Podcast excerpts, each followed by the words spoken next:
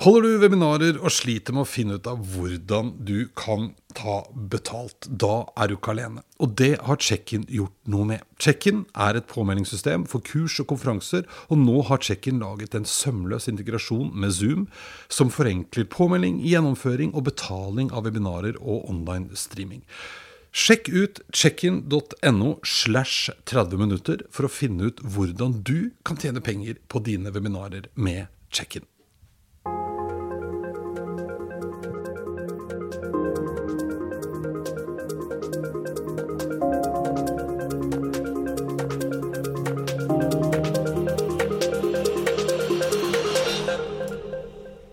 Den tredje mest hørte episoden min i år er møtet med Katrine Aspaas.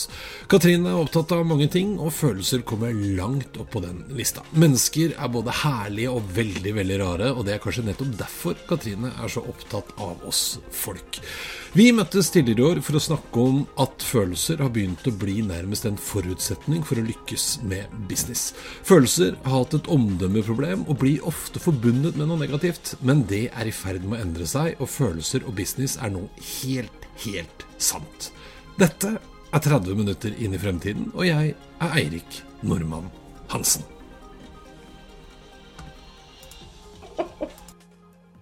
Vi begynner nå. Hei, og velkommen til meg, Katrine. Tusen takk, Eirik. Hyggelig å få besøk av deg. Altså, jeg skulle jo ønske at du var her, eh, men nå er det jo litt rare tider. Så da får vi eh, For de som da lurte på hva jeg mente nå, siden dere bare kan høre, så er det da fordi vi er i, på hjemmekontor, alle mann, alle. Det er jo det situasjonen krever av oss akkurat nå. Ja. Hvor det fint er deg? Jeg er hjemme til naboen. Ikke sant? Mm. Går det fint med deg? Du, det går stort sett veldig fint med meg. Jeg sitter på Bislett sammen med eh, bikkja mi. ja, den hørte jeg. Det er bra. Ja. Men Katrine, fortell litt om altså vi, vi, eh, Jeg trodde jeg trengte egentlig først at vi møtte hverandre når vi var på denne fantastiske Svalbardturen med talerlisten, men det var jo ikke det. Vi møttes faktisk før det, hvor du hadde hørt meg på et eller annet radioprogram når du ja. skrev en bok. Ja, det stemmer. Ja. Du sa noe veldig fint. det er hyggelig. Som jeg ikke husker. Nei, vi sa det, vi husker ikke, men det var fint. Fint var det var veldig fint. Eh, da drev jeg og skrev på manuset til den siste boka, som heter 'Den emosjonelle revolusjon'. Eh, hvordan følelsene spiller inn i næringsliv og i eh, samfunnsliv, og i det hele tatt store deler av livet vårt. Så jeg skrev om boka om følelser, og så satte du i gang noe du sa satte i gang noen følelser hos meg. Altså Det var veldig vakkert, rett og slett. Dessverre har jeg jo glemt det. Men men så da tok jeg kontakt med deg. Det var første gang. Ja, da møttes vi på, på, på, på Litteraturhuset. Mm. Det stemmer. Det husker jeg nå. Men øh, fordi at den boka, den siste, Du har skrevet tre bøker, men den siste boka, det er liksom Der kommer ordentlig nerde-Katrine i full galopp. Der er det full nerdings. Ja. Uh, der er det full nerdings, altså. Nei, altså jeg, jeg syns altså mennesker er så ubegripelig spennende. Og, uh, og, og, det er så mye forskning der nå. Vi har jo, det er jo altså La oss si det med en gang, da. Vi skal jo snakke om følelser. Og da må vi, er vi nødt til å liksom begynne nip it by the bud. Fordi at følelser er jo veldig upopulære. Altså Følelser har et seriøst omdømmeproblem. Stakkars følelser. Ja, Stakkars følelser. Alle følelser? Eh, mm, nei, ikke alle følelser, men følelser som fenomen. For vi har jo så lenge kalt det det motsatte av fornuft. Men så viser det seg nå at følelser står jo egentlig bak nesten alt vi gjør og tenker. Og, og, og det har jo veldig mye med motivasjon å gjøre, ikke sant. Uh, følelser. Så det er uh, og så er det jo sånn at det, vi er jo fra naturens side utstyrt med utrolig mye ubehagelige følelser. Det må vi også få sagt med en gang. Og dette her er liksom nerde... Vi er på nerdenivå her. 70 eh, av alle følelser er ubehagelige. Kan du tenke Ja, for jeg mener jeg har hørt det, for det, det finnes en slags sånn uh, følelseslabeling-ting. Uh, sånn, hvor det Hva er det for noe eh, åh, Nå prøvde jeg å komme det, Hvor mange er det? Sju? Ni? Jeg husker ikke, men det er et eller annet tall jeg har lært. Vi har jo hundre, hundrevis av hundretusenvis av følelser.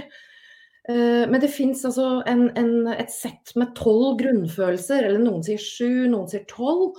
Og av de grunnfølelsene da, som er glede og iver og frykt og skam og misunnelse og avsky Vi er utstyrt med 70% ubehagelige følelser for at vi skulle holde oss i live. Dette er liksom reptilhjernestoff.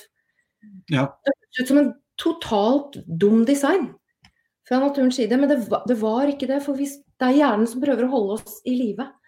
Og det er derfor følelser har litt dårlig rykte. For det, det, er så mm. mange behagelige. Så det, altså, men det å, å, være klar over det, og bare skjønne at ah, det er helt normalt, ja. Det er jo egentlig det som er hovedsaken. Å få normalisert ubehag. Hmm. Ja.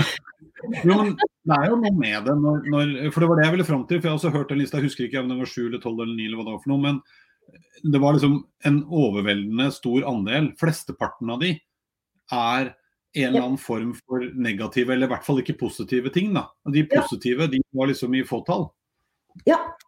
Og så egentlig den Altså, kan jeg fortelle hvor den emosjonelle revolusjonen kommer fra?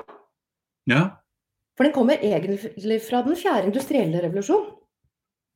Ikke sant? Teknologi, alt. Og det, det, er jeg spent på, det har jeg lyst til å spørre deg om etterpå, hva vi skal bruke teknologien til. For det er jo det store mm. spørsmålet. Det vet jeg at du er veldig opptatt av.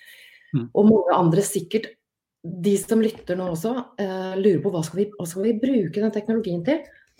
Og så er det sånn at eh, jobbene våre endrer seg jo veldig raskt. Og nå særlig nå i den, de rare tidene vi er inne i nå. Nå lærer vi masse. Mm. Men, eh, jobber for oss har jo veldig lenge vært om muskler. Før så handla det om muskler. Mm. Og nå, i dag, så handler det om hjernen. At vi skal være smarte. I fremtiden så kommer jobbene våre til å handle om hjertet. Og før du nå tenker Nå ser jeg for meg folk som hører på, at de himler litt med øya og tenker nå er vi liksom på alternativmessen på Lillestrøm.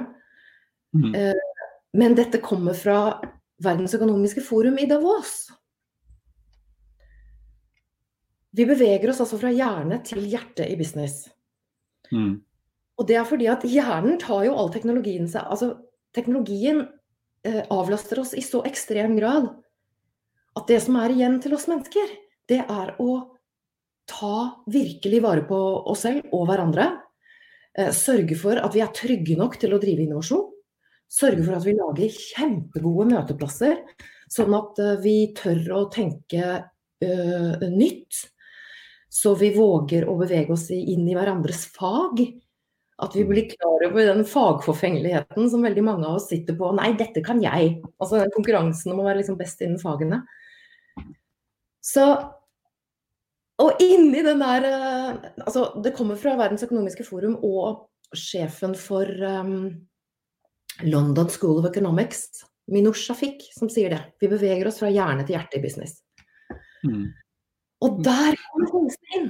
Det å skjønne Å, shit, akkurat nå så er jeg litt nervøs. Det er ikke noe rart. Fordi at uh, vi gjør dette for første gang. Hmm. Men er det dette her som eh, Altså du sa til å begynne med så har vi liksom vært skrudd sammen sånn at eh, det er overlevelse mm. som liksom har vært key. Og etter mm. hvert som vi nå har fått et samfunn som blir mer og mer eh, kontrollert, og ting går på skinner, og teknologi tar seg av ting, og vi har det ofte bra.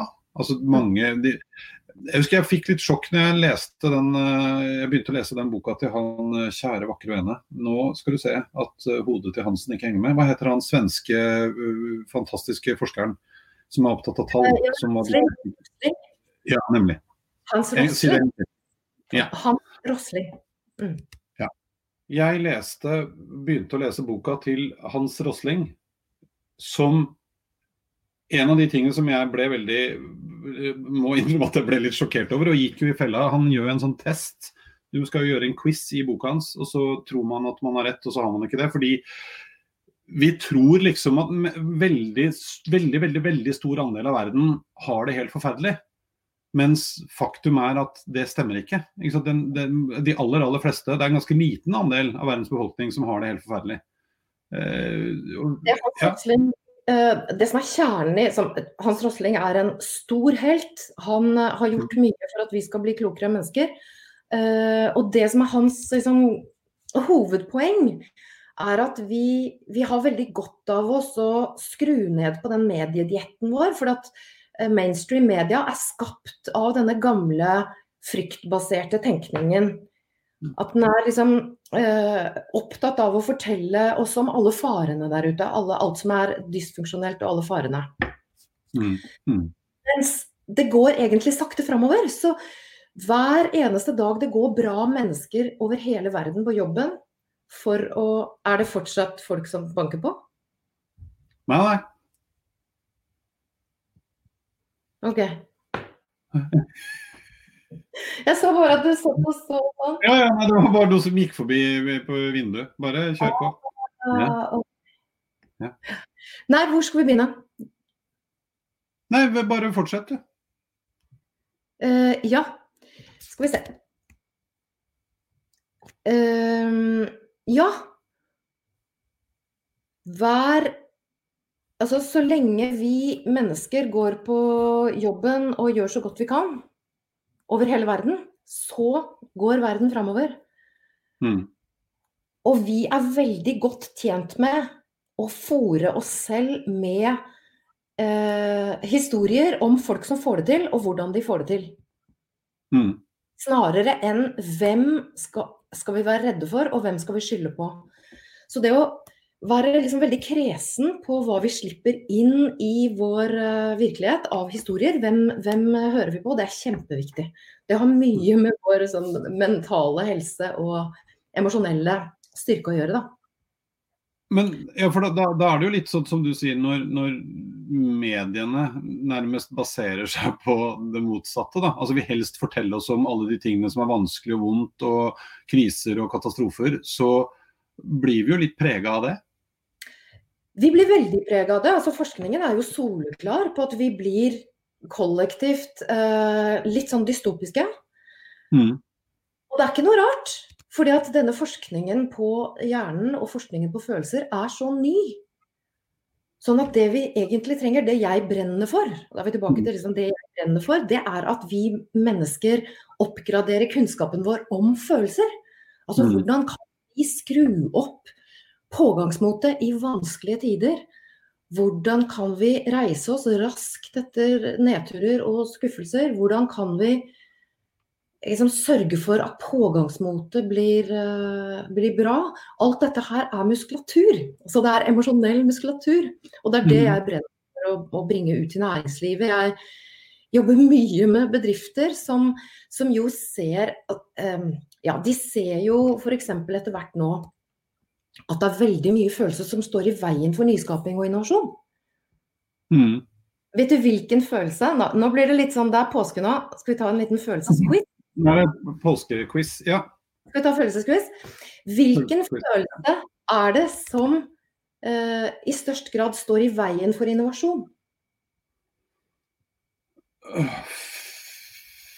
Og nytenkning. Frykt, tror jeg. Det er det, men det er en annen som er enda verre. Og det er skamfølelsen. Å oh, ja, ja, OK. Hva sa du nå? Frykten for ikke å være god nok. Skamfølelsen. Frykten for ja, å ta feil, frykten for å bli ledd av, frykten for å bli latterliggjort. For at veldig ofte så Det å lage nye ting er jo Jeg husker Anita Krohn Traaseth sa det da hun var i Innovasjon Norge. Så sa hun at min jobb er å hjelpe de som normalt blir latterliggjort. Ja. Innovasjon og nytenkning har jo med å bryte med normer å gjøre. Og det å bryte med normer og bryte med det tradisjonelle, det har en sosial kostnad. Så vi skal være kjempemodige, og, og det er kjempesårbart å gå ut og være eh, nyskapende. Så, så, så, det du Ikke sant. Så fordi at jeg er redd for å drite meg ut, da, rett og slett, for å kalle en spade en spade, så lar jeg være. Eh, og når vi da snakker om, for dette er en av de tingene jeg ofte snakker om òg, at vi må liksom tørre å legge til rette for at det skal være lov å nettopp drite seg ut. Ja. Eh, hvordan, hva, hva, innebærer en sånn kultur da, i en bedrift? Eh, en sånn kultur i en bedrift, det innebærer at alle Altså kulturen er topptrent for å være djerve, altså for å være sårbare. Altså det, er der, vi kommer til det vanskelige ordet sårbart. For det, det, finnes jo Jeg trodde jo sårbarhet var svakhet. Jeg gikk jo rundt og trodde mm. det jeg begynte å, å lese og nerde på denne forskningen da, fra Yale og Harvard, mm. om at sårbarhet er jo egentlig vårt mest presise mål på mot. Det, å, altså det finnes ingen innovasjon, ingen nyskapning, ingen ekte vennskap. Det fins egentlig ikke noe som er I et menneskeverden da, så finnes det ingenting av stor verdi uten denne sårbarheten. Og det mm. ubehaget som eh, som hører med den sårbarheten. Så emosjonell styrketrening handler egentlig om å være komfortabel med ubehag. altså, hvis alle i en bedrift er komfortabel med det ubehaget det er å Åh, dette her uh, tør jeg egentlig ikke å si, men jeg gjør det likevel. Jeg veit ikke Kanskje ikke blir så populært, men det er så viktig at jeg kan ikke la være å si det. Altså, når vi gjør det til en normal ting i en bedrift, mm. og at vi belønner folk som tar eh, risiko og feiler. Mm. Ikke sant? Det jo, at vi, vi, skjønner at ah, det er helt naturlig å feile. Det er ikke noe rart vi feiler når vi gjør ting for første gang. Ikke sant? Det er ikke noe rart vi kjenner på frykt eh, nå i denne veldig rare tida her. Det er ikke noe rart vi tryner. Så det å eh, sørge for at vi har det godt mens vi mens vi driver og utforsker dette her. Ja. Det, er det, det, er det, den emosjonelle styrketreningen handler om.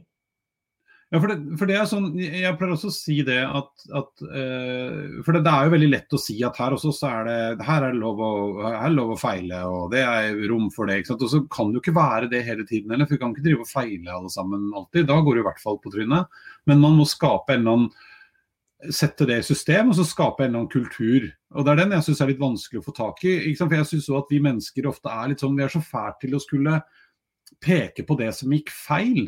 Ja. Og ikke på initiativet. Noen tok jo et initiativ fordi noen trodde at det var en god idé. Og, og nå blir jeg helt sånn varm i hjertet, fordi eh, når du sier det der For det, det er ikke noe rart vi er, for vi er topptrente på å finne feil. Det er hjernen vår som skal holde oss trygge. Og Det er derfor dette kalles altså, det, vi, det, det å, å, omprogrammere vår indre teknologi, det er det vi holder på med. Vi mm. omprogrammerer den teknologien som vi har hatt i millioner av år, som sier du er ikke bra nok. Dette må du fikse. Nå kan det gå gærent. Wow, bak der er det en mm. løve. Oh, mm, mm. Altså, vi driver og omprogrammerer den og beroliger amygdala, da, den der reptilhjernen, til å si sånne ting som OK, det er ikke noe rart jeg er redd. Det er bare hjernen som prøver å holde meg trygg. Ja. Uh, jeg er mye sterkere enn jeg tror. Uh, jeg kaller det min indre gnom. Jeg har en sånn indre gnom som kan stå og si sånne ting. Så tenker jeg å, gnomen, ta det med ro. Altså, det, du, du, du, det er ikke noe rart du prøver å holde meg trygg, men jeg er, uh, jeg er trygg. Jeg er mye kjærligere enn jeg tror. Jeg er mye modigere enn jeg tror. Dette her er tanker det går an å, å la suse rundt i systemet. I stedet mm. for det der Nå ler de av meg, og jeg er upopulær. Altså masse sånne ting, da. Mm.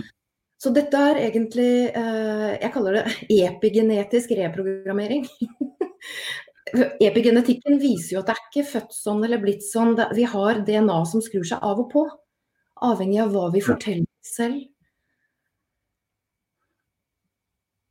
Men, men hva, når, for da, nå er vi jo langt inne i hva dette betyr for næringslivet, føler jeg. Eh, mm. disse følelsene, og hvorfor det er viktig. Mm. Og, og, og, og, hvordan Har du noe råd liksom, til, bedrifter da, som jo i utgangspunktet også ofte, i tillegg til at vi er liksom topptrent i å finne feil, mm. eh, så er jo gjerne insentivmodellene våre, eh, alle ting man liksom streber etter på jobben, handler om å ikke gjøre feil og prestere og høyere. Altså, hvordan, hva, hva, skal man gjøre for å endre på den kulturen, da, uten å bare si at eh, så må vi bli ikke sant, klappe hverandre på skulderen og det er lov å feile. For det syns jeg blir litt ja. Det syns du blir litt Nei, det, jeg synes at det, det, er så lettvint å si at her er lov å feile, for at alle vet at det i seg selv holder ikke. ikke vi må gjøre noe mer enn det. det. det er ikke lettvint å endre kulturer. Det, er, det, tar mange, mange Det tar lang, lang tid, og det er daglig praksis. Mm. Så det å innarbeide det som Jack Ma, da, eh, eh Alibaba Jack Ma, som sier det vi trenger altså We need soft skills, we need everything the machines cannot do. Og disse myke ferdighetene, som er å lytte, som er en myk ferdighet. Det å faktisk høre etter uten å skulle debattere eller diskutere. Men det å ta For vi kommer jo til å få så god tid. Vi kommer til å ha masse tid til å sitte rundt leirbålene og lytte. Fordi mm. maskinene kommer til å Altså de som sitter rundt leirbålene og lytter, det er de som kommer til å skape fremtidens produkter. Så disse ferdighetene som er å, eh, å, støtte andre Hvis du klarer å motivere andre, hvis du har en sånn eh, Altså hvis du opparbeider den muskulaturen at du klarer å motivere andre, så vil du gå en lys fremtid i møte. Så du å motivere deg sjøl og andre, og det er en veldig eh, Det er en eh, muskulatur som som heldigvis kommer inn på, i skolen nå fra høsten med det faget som heter livsmestring. Mm. Eh, det Vi kommer til å bevege oss i retning av disse myke ferdighetene og trene opp evnen til å lytte. Trene opp evnen til å eh, gi tilbakemeldinger uten at det blir konflikter. For hjernen vår er også livredd for tilbakemelding. Altså livredd for kritikk, og det er ikke noe rart. Så vi tror vi tåler veldig mye mer enn vi faktisk gjør, da. Så konfliktnivået er mye høyere enn det trenger å være fordi vi ikke har innarbeida disse rolige, eh, gode eh, kulturene. Ja. Kan tar påskequiz til? Ja. Kan vi ta en påskequiz til? Kjør på. Og det passer veldig bra nå. Hvilken følelse Eh, er det som bedrer immunforsvaret. Altså det er som å få en influensavaksine. Det er en bestemt følelse. Når du har den, så utskiller kroppen et stoff ja. som øker immunforsvaret. Skal jeg gi deg et hint? Veldig, veldig fristende å svare kjærlighet, men er det noe sånn omtanke eller noe sånt? Det er jo kjempefine, kjempefine svar. Eh, kjærlighet, omtanke. Ja, veldig bra, bra, følelser. Men det er en mye mer subtil følelse enn det. Den har med hårene på kroppen å gjøre. Hårfølelsen? Nei, frykt. Ja, det kan være Nei, det er sånn, la meg si altså Clouet er når du hører musikk du elsker. Når ja, så reiser Får man gåsehud? Ja. ja. Det er gåsehuden. Og da gåsehudfølelsen? Ja. Når du får gåsehud, så ja. får du et shot av et stoff som gjør at du øker immunforsvaret helt eh, signifikant. Dette er forskning fra Berkeley. Det er gøy. Vet du hva gåsehud heter? Altså forskerne kaller gåsehuden fordi at det er den mest Det er den følelsen som gjør at vi Altså, vi hører sammen. Det er en sånn fellesskapsfølelse. Du viser frem Se her, har gåsehud. Det, er sånn, mm. det skjer et eller annet som gjør at vi hører sammen. Da.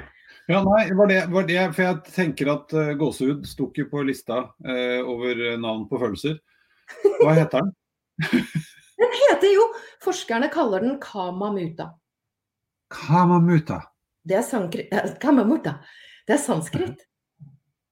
For å bli berørt av kjærlighet. Så du var inne på det. Det er kjærlighet. Altså, det å bli berørt av noe, da får vi gåsehud. Hmm. Og hvis du har en bedriftskultur der du får gåsehud ganske ofte, hmm. Det er et veldig godt tegn.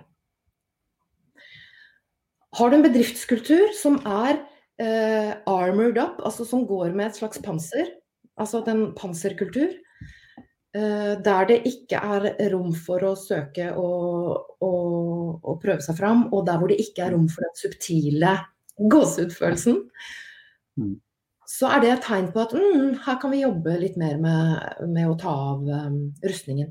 For det, det er ganske energikrevende å gå og bære rustning. Og det er ikke uvanlig.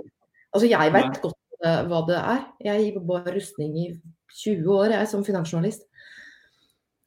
Ja, men det, det, var det jeg ville, hadde skulle til å spørre deg om nå. fordi dette her henger vel også ofte litt sammen med eh, for, altså Jeg vet ikke om man kaller det personlighet, men det er jo noen som på en måte velger sant, finans fremfor eh, et omsorgsyrke, eller å bli ingeniør fremfor å jobbe med HR. Eh, og, og, det er jo noe med kulturene sikkert, da, som det koker ned til til syvende og sist. Men, men eh, ja, som, ja. Kan jeg være litt badass? Fordi altså, det, det, dette er et spot on det du sier der. veldig ofte da jeg gikk på Handelshøyskolen på 80-tallet, de, de, fleste av oss begynte jo der fordi vi ikke orka å ha noe med mennesker å gjøre. Det var mye lettere å ha med tall å gjøre. Mm. Altså, det mye lettere å forholde seg til tall. Altså, mennesker er jo uregjerlige uh, Det er jo helt ukontrollerbart. Mm. Det går ikke an lenger. Fordi Nei. tall er det nesten ingen mennesker som kommer til å jobbe med. Altså, de kommer til å jobbe med en eller annen sånn slags uh, kompleks forståelse av tallstørrelser i forhold til hverandre osv. Men Eh, men, men, alle kommer vi til å jobbe med mennesker på et eller annet vis. Sånn at mm. Relasjonskompetanse ifølge Verdens økonomiske forum er jo det liksom en av toppferdighetene. Det å kunne relasjon. Mm. Uh, sånn at det, det, er ikke lenger sånn at du kan si å jeg begynner på økonomi fordi at uh, jeg orker ikke jobbe med mennesker. For det, hvis du ikke er glad i mennesker nå framover, så får du ikke en jobb. altså, det, er badass, altså. Da må, du, da må du jobbe med noe da må du jobbe med Da må du gå tur med hunder. Og det er jo veldig heldigvis mange som elsker det. Ja.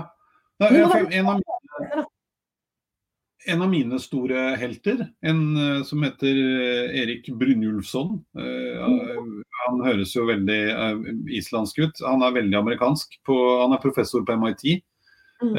Og han hører jo til den gjengen som mm mener at eh, Hva er det han sier for noe? Han har et veldig nydelig sitat hvor uh, 'working with the machine beats working against the machine every time', eller noe sånt. Altså, fordi forskningen hans viser at hvis, altså kombinasjonen menneske-maskin er helt mm. uslåelig. Mm. Og det er fordi at mennesket har noe Altså den kreativiteten, den medmenneskeligheten. Vi kan bruke maskinen til å gjøre alle de Og så kan jeg konsentrere meg om andre eh, som handler om mer relasjon. Og så blir den kombinasjonen mye bedre. Men også i forhold til problemløsning, da, hvor maskiner blir veldig maskinstyrt, naturligvis. Eh, og så Ja, det er interessant. Det er Og det er så lovende. Det er ikke sånn Altså i min verden, da, fra der hvor jeg sitter, så er det ikke sånn at all denne teknologien som du så liksom, eklatant viser flyvende rundt og altså, Som du snakker om, det er ikke sånn at den teknologien gjør oss kaldere og mer distanserte. Og det gjør oss faktisk Altså vi beveger oss fra at veldig mange av oss drev med kaldt tallarbeid, til at nesten alle av oss kommer til å drive med eh, å motivere folk på en eller annen måte. Mange, vi går fra transaksjon til relasjon. Hele mm. bankvesenet. Jeg fikk bilde fra DNB her om dagen med sånn stort hjerte. og, det, og, da kan vi le. altså Den kyniske delen av meg tenker ja, ja, ha-ha. Men poenget er at vi snakker sammen på en annen måte. Næringslivet kommuniserer på en menneskemåte nå. og det er sånn at Om ti år så kommer ikke bedrifter til å bli tatt på alvor hvis du ikke seriøst jobber for tre av bærekraftsmålene, eller ett eller to av bærekraftsmålene til FN. Hvis du ikke kan vise hvert år at du faktisk er kobla på det store systemet, så er det for det første ingen som har lyst til å jobbe for deg, i hvert fall ikke de flinkeste folka.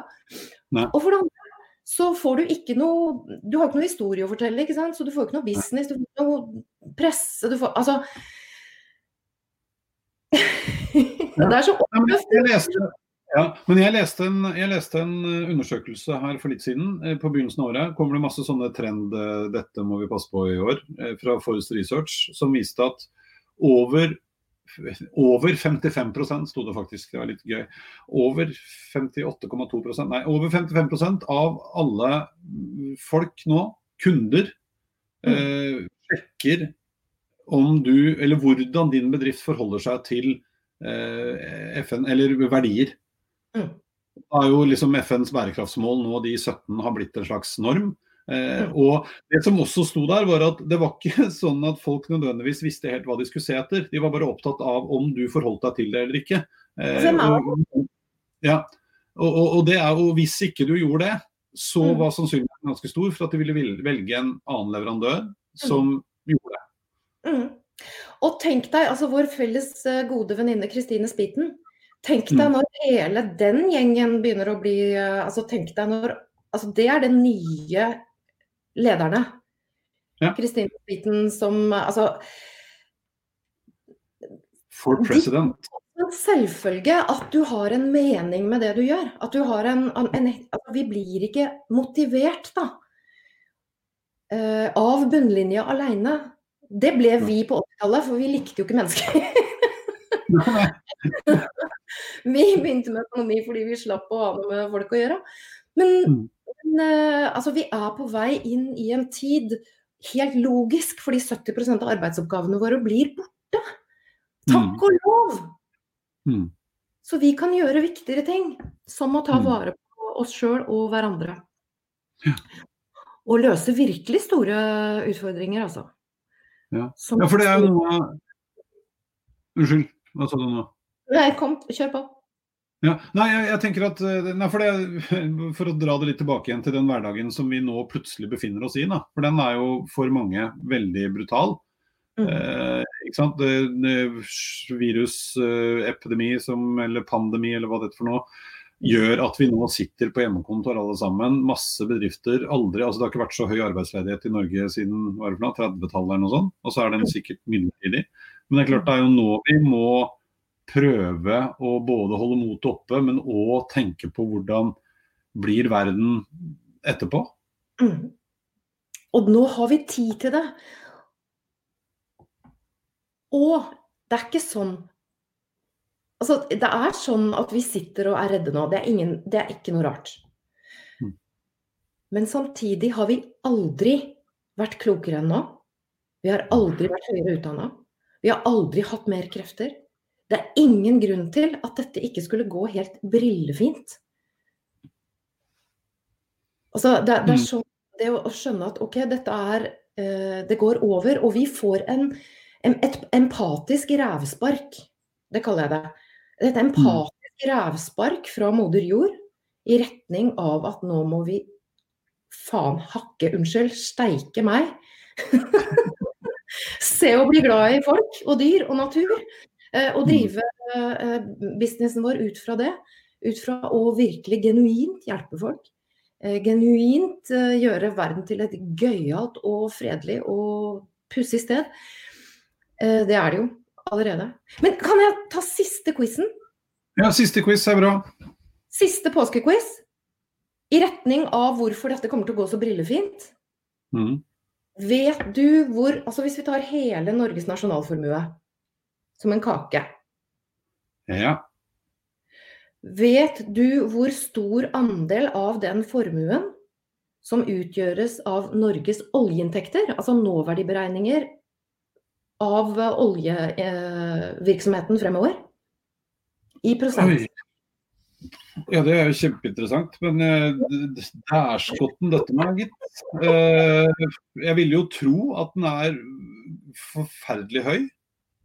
Men nå kjenner jeg at jeg går sikkert rett i en sånn slingfelle. Ja. ja. Det er rett i fella. Jeg tror Du klarer ikke å gjette hvor lav den er. Ikke sant. Det var et brutalt hint. 1% Ja, da er du god. 2,4. Ikke sant. Og, altså, det... dette er tall fra Finansdepartementet, SSB. 2,4 Eirik, er oljevirksomheten vår. Vet du hva som er 75% Altså tre fjerdedeler av den kaka? Jeg føler meg som det kjøtthuet nå. jo, men den følelsen, det er det vi skal uh, fremelske. Ja. Nei, altså det blir jo vill gjetning, da. Men uh, jeg vet ikke hvor uh, kunnskap av et eller annet slag. Yay! Ja. Det er oss, det er menneskene. Mm. Det er nåværende og fremtidig arbeidsinnsats. Mm. Det er våre ideer. Det er hvor modige og hvor kjærlige og hvor uh, gøyale og kollektivt uh, Hvor kollektivt uh, smarte og bra vi er. Mm. Det er 70% av vår nasjonalformue. Det er spennende. Og at ikke dette skal gå helt fint. Ja, for jeg tenker jo at vi skal liksom, nå, nå når dette går på lufta, det er eh, langfredag har vi bestemt oss for. Nå gjør du mye rare sånn håndbevegelser. Vi ser hverandre på kamera, det gjør jo ikke dere andre. Men eh, og dette er vel kanskje den merkeligste og skumleste påsken mange har hatt. Vi sitter i karantene, det er ikke lov å dra på hytter, og, og verden har liksom bråstoppa. Og det er forferdelig krevende for veldig mange. Eh, og det er vi selvfølgelig klar over, men det dette handler om også er at nå skal vi videre, og hva skal vi fokusere på da. Og det er jo litt viktig å tro at vi klarer dette også, selv om dette har vært liksom en grusom eh, opplevelse for mange. Men å tro at vi kan klare å komme videre Altså sammen så klarer vi det. Mm. Vi klarer det. Vi klarer det sammen. Mm. Bare de ukene her hvor vi eh, bruker teknologien sånn som den skal brukes, til å nå hverandre. Mm. Og til å sende kjærlighet fra naboen og over til den andre naboen. Og Maria Mena og Jon Niklas Rønning holder på og spiller, og alle sender kjærlighet i alle kanaler. Mm. Det er det teknologien kan brukes til. Og når vi har nok kjærlighet eh, og tilhørighet og mening i livene våre, så blir vi mer skapende og kreative. Mm. Så det er dette som er den emosjonelle revolusjonen. Mm. Basert på hjerneforskning, basert på følelsesforskning, basert på relasjonsforskning og innovasjonsforskning. Og ja. Ja, jeg, jeg, blir helt varm i hjertet av at jeg får lov til å komme hit på din podkast og få lov til å snakke om dette her. Som er det viktigste jeg vet. Det betviler jeg ikke et sekund. Eh, nå har jeg møtt deg, jeg har vært på tur med deg, og det er jo ikke Det er dette det, er dette det går i. og det er godt. Men du, nå må vi, eh, vi må prøve å oppsummere litt. Vi nærmer oss eh, slutten før du skal få det store avslutningsspørsmålet. Men, men dette handler altså om at skal vi lykkes i fremtiden? Og det var, kom egentlig på banen lenge før denne forferdelige uh, viruskrisen kom. Nå er det følelser det handler om. Og det er ja. mer enn bare at vi skal realisere oss selv, men det handler om, om ja. følelser. Vær raus med deg sjæl. Vær god med deg mm. sjæl. Det er der det begynner. Mm. For når vi er det, så våger vi mer der ute. Mm. Så den setningen jeg ønsker å lære til alle folk, det er, det er ikke noe rart at vi er redde nå. Det er ikke noe rart at du har lyst til å legge deg i senga med dyne over huet. Det er helt Altså, det er ikke noe rart. Mm. Altså, så tillat deg det. Og så, og så er det helt normal del av livet, denne usikkerheten og ensomheten og smerten og Vi har det felles. Og så har mm. vi, vi også utstyrt med altså en mengde med mot og, og kjærlighet og gåsehud og ja. Vi trenger, det har vi også funnet ut av. Vi, trenger veldig mye gåsehud nå fremover. Det er liksom eh, virkelig Ja. ja. Men, hvis vi nå skal heve blikket litt ja. og se fremover 2030, hva tror Katrine om 2030? Hva har skjedd da som uh, Ja, hva tror du? Da tror jeg at Eh, vi har redusert altså For det første så har vi eh, redus, altså så er um, uh, jeg fremstår Nå har jeg den følelsen som du hadde i sted. Det sitter et brødhue der. Uh, men det, jeg, uh, jeg tror at vi eh, har et samfunn der vi hjelper hverandre i mye større grad. Jeg tror at vi har jeg tror antall selvmord har gått betydelig ned, fordi vi vet hvordan vi skal håndtere skikkelig kjipe ting. Jeg tror at bedriftene, de bedriftene som er igjen, det er bedrifter som er gåsehudbedrifter. Altså som rett og slett får folk til å koble seg på det store samfunnsprosjektet. Mm. Eh, jeg tror at eh, globalt så vi, er vi på vei til å avvikle skattehelveter. Altså det heter ikke skatteparadis, det er skatteparadis for 1 det er helvete forresten. Mm. De store bankene i verden har eh, begynt å samarbeide med FN om å utestenge, sånn at race to the bottom ikke skjer på samme måte. Og da får vi også litt sånn eh, Og så tror jeg vi samarbeider globalt veldig mye bedre. Mm. Mm. FN er mye.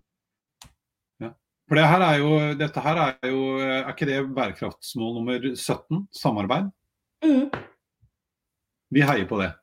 Og samarbeid er vanskelig, kan jeg si en ting om samarbeid? Vi heier på det, men samarbeid er dritvanskelig fordi vi har, er topptrent i konkurranse. Mm. Samarbeid er mye mer sårbart. Mm. Samarbeid fordrer tillit.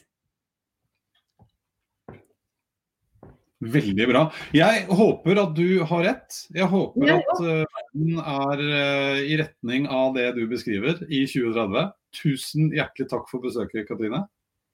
Tusen takk for at jeg fikk komme. Og så kan vi jo nå si fortsatt god påske da, til alle. Fordi selv om vi nå kanskje ikke fikk lov å dra på hytta, så er det påske. Og da kan vi ta ekstra godt vare på hverandre. Det går an å ha påskerenn i hagen og mm. påskekrim på kjøkkenet hjemme. Påskekrimmen er veldig viktig. Ja. Drep folk du er glad i. Nei da. Men uh... det var... Da er det bra for immunforsvaret. Ja. ja. Takk for nå. Ha det.